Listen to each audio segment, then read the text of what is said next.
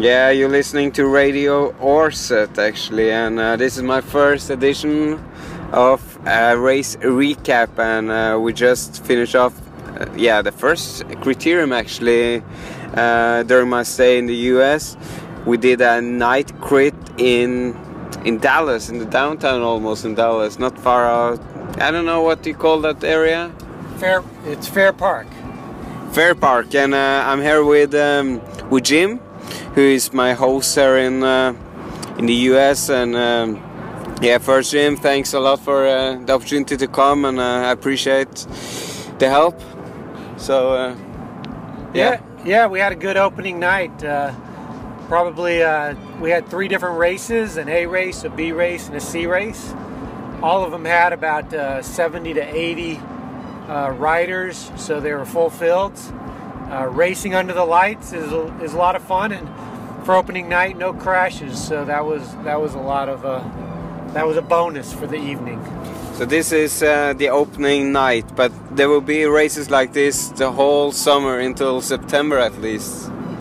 Yes, King Racing, who puts on this this event, it's a Thursday night criterium.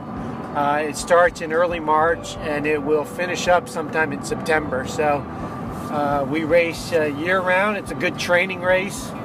Uh, you can race multiple races if you qualify for those, and uh, uh, you, you can get a good effort, good workout in each night.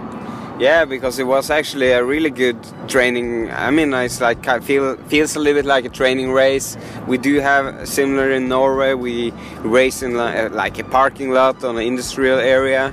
Uh, but yeah, it was a great session and you actually you started the B race first, Jim. Yeah.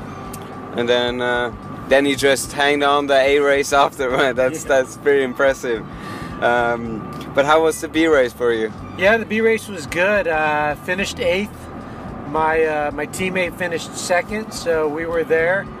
Uh, we it, it, it was a good race, a lot of attacks. There was there was one team that had 15 15 members in it, so we covered all the attacks and kept it together.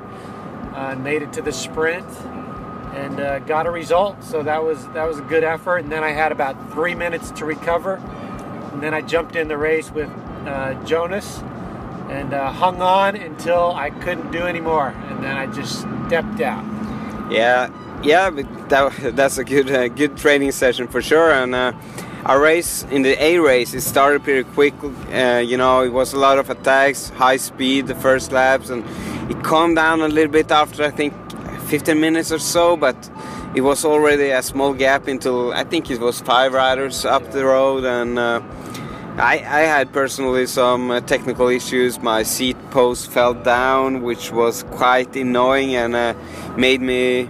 Yeah, in the end, I just had to stop to fix it and uh, had a couple of laps I was just trying to adjust my seat post back to the right position again and I I, uh, I could actually I was allowed to to join the last part of the race but then the first group were down the road. We tried to catch up but you know it, they stayed away and I had to pull out because I wasn't really part of the race the last lap but man it was definitely a great session and uh, a great great way to start the cruise season there in the US. Yeah, yeah so Jonas uh, had had his seat post slip, so he pulled out and got that fixed, and they let him rejoin the race. He had to pull out with the final lap to go, and uh, he jumped on the front and drilled it. Almost brought the break back, got within maybe 10 seconds, uh, and then those guys picked up the pace and, and ended up you know, pulling away again with about 20 seconds uh, gap on the field. But there were probably 80 or 90 riders in that race, so it was going single file there for quite a while. Um, yeah, it was a great, great high speed.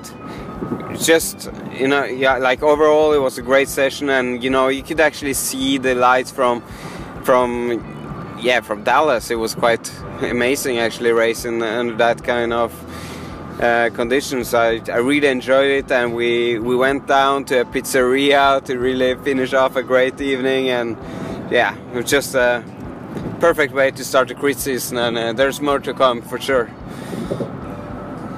So um, Yeah, I'll uh, thank you for listening, and uh, there will definitely be more recaps like this, and just stay tuned.